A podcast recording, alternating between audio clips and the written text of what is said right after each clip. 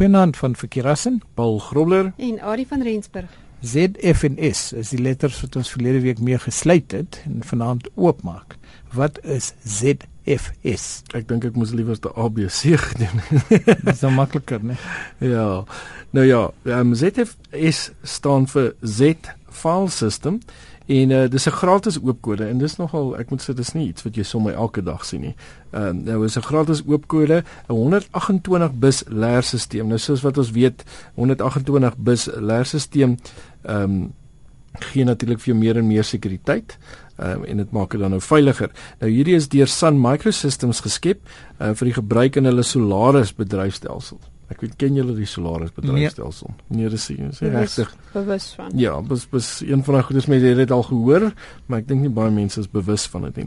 Dis 'n goeie leerstelsel wat uh, dikwels gebruik kan word deur diegene met uh, groot hoeveelhede data ehm um, ensovoorts en uh diegene wat van NAS gebruik maak. Ehm um, wat is NAS nou?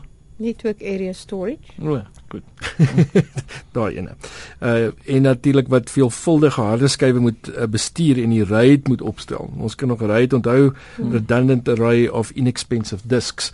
Uh, so 'n bietjie by by dit uitkom. Nou ZFS kan zettabytes data hanteer. Zettabytes data 1 biljoen terabytes. En 'n terabyte is al klaar groot. Dis al hmm. klaar groot. Ehm um, so dit kan dus uh, enige groot hardeskyf spasie wat ons vandag gebruik hanteer. En dis dis nogal belangrik dalk nie vir die gewone gebruiker wat nog 'n 1 of 'n 2 terabyte gebruik nie, maar daar is natuurlik besighede en die hoeveelheid data wat deesdae gestoor word is natuurlik intens. Uh, dit verskaf ook maksimum integriteit uh, omdat dit 'n kontrole som of dan nou ook uh, in Engels bekend as 'n checksum doen en uh, as daar korrupsie is, sal dit outomaties dit probeer herstel. Nou wat baie interessant is natuurlik met 'n checksum of 'n kontrolesom is uh natuurlik dit dit skep 'n kode. So dis is amper, amper 'n wiskundige berekening wat dit doen. Uh, so dit dit kyk na die data, dit daar's 'n wiskundige berekening wat plaasvind en dan gee dit 'n getal en dan wanneer dit toets, dan doen dit weer daai wiskundige berekening en as dit nie by dieselfde antwoord uitkom nie, dan weet dit daar's 'n daar's 'n ou foutjie. Nou die harde skyf wat uh, saamgevoeg word in 'n pool of dit word nou hard disk drive pooling genoem en ehm uh, net soos mens meer geheue of RAM in jou rekenaar kan byvoeg as jy meer nodig het, net so kan jy jou harde skywe dan byvoeg sonder dat enige formatering op die opstel van partisies nodig is. Nou dis baie handig. Hmm. Want baie keer hardloop jy uit en nou moet jy 'n nuwe harde skyf opstel, 'n nuwe partisie opstel en is 'n nagmerrie. Hier kan jy dit saam jy kan 'n nuwe harde skyf byvoeg en die rekenaar gaan letterlik dink dis nog deel van dieselfde harde skyf. So baie baie interessant. Dan ehm um, ons het net nou genoem van RAID, maar ZFS kan 'n verskillende RAIDs, 'n redundant array of inexpensive disks vlakke hanteer. Ons weet ons moet nou RAID 0 tot by RAID 5 as ek dit nie mis nie. Ehm um, en met goeie werkverrigting soortgelyk aan die hard ehm um, hardeware RAID kontroleerders en dit maak ook die opstelling daarvan makliker um, en meer uh, kostebesparend. So baie voordelig hierdie oop kode uh, en dan mens kan die ZFS installeer op 'n sekondêre hardeskyf uh, te gebruik en is dus nie nodig om dit as 'n primêre leerstelsel te gebruik nie. So baie voordele. Um, hmm. Definitief iets om na te kyk. So gaan kyk 'n bietjie meer van uh, ZFS. Ja, en uh, natuurlik is daar by Wikipedia sal daar 'n uh, webwerf daaroor wees met inligting. So en.wikipedia.org skynstreep wiki en skynstreep ZFS. En dan is daar ook 'n artikel daaroor by www.howtogeek.com. Maar weer 'n keer daar's 'n bietjie langer webwerf, so gaan kyk gerus by by ons kort kort webwerf. Ja.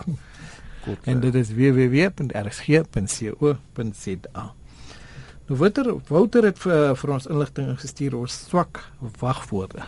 En dit is dit 'n groot probleem wees. Ja, nou. wagwoorde. Dit is 'n probleem as jy dit nie onthou nie. Dink hmm. een.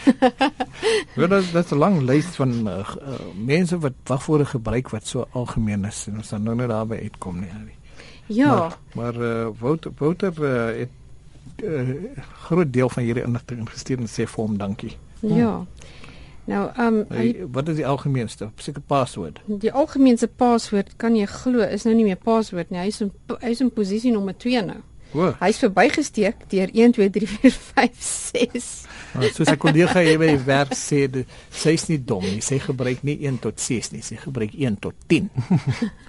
Dis seker net so erg. Toe maar in nommer plek nommer 3 is 1 2 3 4 5 6 7 8. Ja, wel nommer Ja. nommer 13 is 1 2 3 4 5 6 7 8 9 0 wat effektiewelik Hmm. 10 is dan nou. Ja. Ehm um, So sy's sy's daar 'n bietjie uh, onder aan die lys. Okay. nou dit- wel dit sy dit val nog Nou steeds mense in die top gewe- 25. mense doen dit seker om omdat dit makliker is om te onthou. Voel.